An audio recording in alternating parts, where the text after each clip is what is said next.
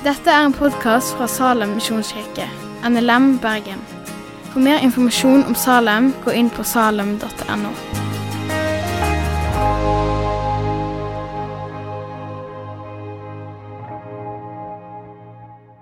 Tradisjonelt sett så pleier vi å tale over en juletekst på julaften. I dag så tenkte jeg å snakke om et av de store julesymbolene og bruke det som et utgangspunkt for talen. For juletreet det er et symbol som ikke bare forteller oss juleevangeliet, men faktisk er en miniversjon av hele bibelfortellingen. Men så er det sånn at vi tror ikke på juletreet, vi tror på Bibelen. og Derfor er det viktig at juletreet viser oss til hva Bibelen sier. Men hva symboliserer egentlig juletreet? Det har vi faktisk julesanger om. Vi synger når vi går rundt juletreet 'Glade jul, hellig jul', 'Engler daler ned i skjul', 'Hit de flyver med paradisgrønt'. Og Ingemann, danske, skriver 'Grenen fra livets tre står skjønt med lys som fugler på kviste'. Og Grundtvig sjøl skrev 'Livets tre med lys i topp vokste i Guds havet opp'. Så juletreet symboliserer faktisk livets tre i Edens hage. Et annet hint som knytter juletreet til Edens hage, det er at juletreet før i tida ble pynta med søtsaker og med epler. Som et symbol på den frukta som Adam og Eva spiste av i hagen. Og De røde kulene på juletreet de minner oss ennå om det. Men samtidig så vet vi ikke helt hva frukt det var, så vi for et sikkerhetsskjult hjemme som vi hengte opp en avokado. Eller kanskje var det chili de spiste? Eller var fristelsen faktisk så stor at det var en sånn en? Jeg vet ikke. Vi leser fra første Mosebok om livets tre. Herren Gud plantet i gammel tid en hage i Eden. Der satte han mennesket han hadde formet.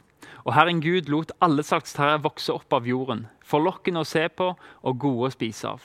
Og midt i hagen livets tre og treet til kunnskap om godt og vondt. Og Herren ga mennesket dette budet.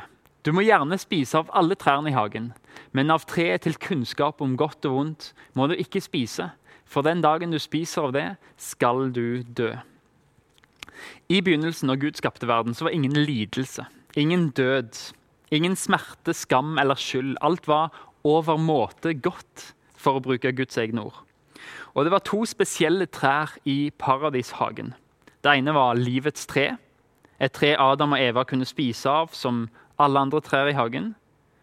Og Hvis en bodde i paradis i Edens hage hele livet, så kunne en nyte av evig liv ved å spise av dette treet. Det representerer muligheten til å være nær Gud, til å ha samfunn med Han. Han som er livets skaper og opprettholder. Han som er kjærlighet og lys og liv og glede. Å kunne være sammen med Han i en evighet, det er himmel. Det er paradis. Så var det òg treet til kunnskap om godt og vondt. Det var forbudt å spise av. Og det representerer kanskje et sånt fritt valg der Gud ikke tvinger mennesker til å elske han. Gud sa til Adam og Eva at hvis dere spiser av dette treet, så kommer dere og her siterer jeg Bibelen, til å dø død. Altså dobbel død. De kom til å bli åndelig død. De kom til å skjære seg mellom Gud og mennesker fordi de var ulydige. Og den fysiske døden ville komme inn i verden. Død ville bli en realitet. Likevel så valgte de å spise av nettopp det treet. De var ulydige. De synda mot Gud, og konsekvensene var store. I fortellingen videre så leser vi at løgn kom inn i verden. De begynte å lyge for Gud. De begynte å skylde på hverandre. De begynte å kjenne skamfølelse. Og fødselssmerter er en del av syndefallets konsekvenser. Det at jorda er forbanna, at katastrofer skjer. Brudd mellom skaperverket og mennesker, at det er et kaos der. Og døden, det at vi blir til støv. Jeg tror vi kjenner oss igjen. Dette er konsekvenser som vi lever tett på, og som er konsekvenser av at mennesket synder. Men likevel er den største konsekvensen av alt at mennesket ble jagd bort fra nærvær med Gud. Vi leser fra 1. Mosebok 3. Herren Gud sa, Se, mennesket er blitt som en av oss og kjenner godt og vondt. Bare det nå ikke strekker ut hånden og tar av livets tre også, så det spiser og lever evig. Herren Gud sendte mennesket ut av Edens hage for å dyrke jorden som det var tatt av. Han drev mennesket ut, og øst for Edens hage satte han kjerubene og det flammende sverdet som svinges uten stans. Det skulle vokte veien til livets tre. Synd gjorde at mennesket ble skilt fra skaperverket og ble skilt fra Gud og fra hverandre. Det viktigste er nettopp det at vi ble skilt fra Gud. Paradis, fellesskap med Gud, det gikk tapt. Og mennesket jager, jages ut fra liv og fellesskap, det som er overmåte godt, inn til kaos, usikkerhet og mørke. Og der er vi nå. Der har du altså juletreet, som minner oss om livets tre som vi ikke lenger har tilgang til. Det minnes om at syndens konsekvenser er at vi er stengt ute fra paradis, fra himmel, fra fellesskap med Gud. Vi er ikke lenger Guds barn. Og Sånn må det vel egentlig være for at himmel skal være himmel. Hvis Gud skal skape en himmel der det ikke er urettferdighet og smerte, så må han vel ta vekk det som skaper urettferdighet, og det som skaper smerte. Og det er oss mennesker. Det at vi ikke elsker hverandre, det at vi ikke elsker oss sjøl, det at vi ikke hjelper fattige, enker og foreldreløse. Vi baksnakker, vi stjeler, vi lyver, vi lytter ikke til hverandre. Og vi kunne fortsatt den lista lenge. Men det er å være ulydig mot Gud og hans vilje. Og det er ikke himmel. Det er et mørke som vi befinner oss i. Men juletreet er fullt av lys, som symboliserer Jesus, verdens lys, som kommer til mørket, til verden. Vi skal lese juleevangeliet etter Johannes. Det sanne lys som lyser for hvert menneske, kom nå til verden. Han var i verden, og verden er blitt til ved ham. Men verden kjente ham ikke. Han kom til sitt eget, og hans egne tok ikke imot ham. Men alle de som tok imot ham, dem gav han rett til å bli Guds barn, de som tror på hans navn. Lyset, Jesus, kommer inn i mørket. Sånn profetene hadde sagt hundrevis av år før Jesus ble født. Lyset gir oss håpet om Jesus, som blir menneske, som slår opp teltet sitt midt i vårt mørke, som flytter inn i ditt nabolag når han blir menneske, for å være til stede med sitt budskap, som er en sånn soloppgang i vårt mørke. Et budskap om tilgivelse for dine synder. Om fred med Gud og fred med deg sjøl. Og hvordan gjør han det? Det kan vi se i andre symboler som vi bruker i jula. For kanskje er du vant med kristtårn som julepynt. Den som minner oss om at Jesus en gang ble korsfesta med ei tornekrone. Og de røde bæra som viser blodstråpene som rant når han ble korsfesta. Han ble såra for våre lovbrudd. Og julestjerner som vi bruker. Noen har fire pigger, som et kors. Men vår stjerne har fem tagger, én tagg for hvert sår Jesus fikk på korset. Nagler mellom hender, gjennom hendene og føttene og et spyd i sida.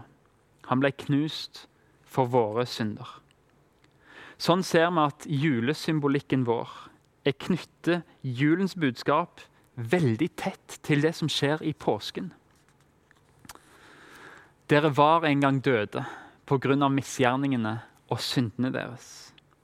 Men Gud er rik på barmhjertighet. Fordi han elsket oss med så stor en kjærlighet, gjorde han oss levende med Kristus. Vi som var døde pga. våre misgjerninger. Av nåde er dere frelst. I Kristus Jesus har han reist oss opp fra døden sammen med han og satt oss i himmelen med han. Slik ville han i de kommende tider vise hvor overstrømmende rik han er på nåde, og hvor god han er mot oss i Kristus Jesus. For av nåde er dere frelst, ved tro. Det er ikke deres eget verk, men Guds gave. Det hviler ikke på gjerninger for at ingen skal skryte av seg selv. For vi er Hans verk, skapt i Kristus Jesus til gode gjerninger, som Gud på forhånd har lagt ferdig for at vi skulle vandre i dem. Straffen lå på Han. Vi har fått fred. Juletreet minner oss altså om hva som er galt i verden. Hvorfor vi er i mørket. Vår synd.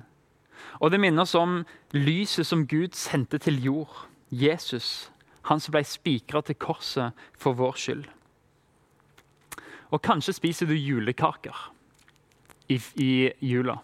Og det finnes, Hvis du spør din bestemor, kanskje, så fantes det noen julekaker før som heter avletter.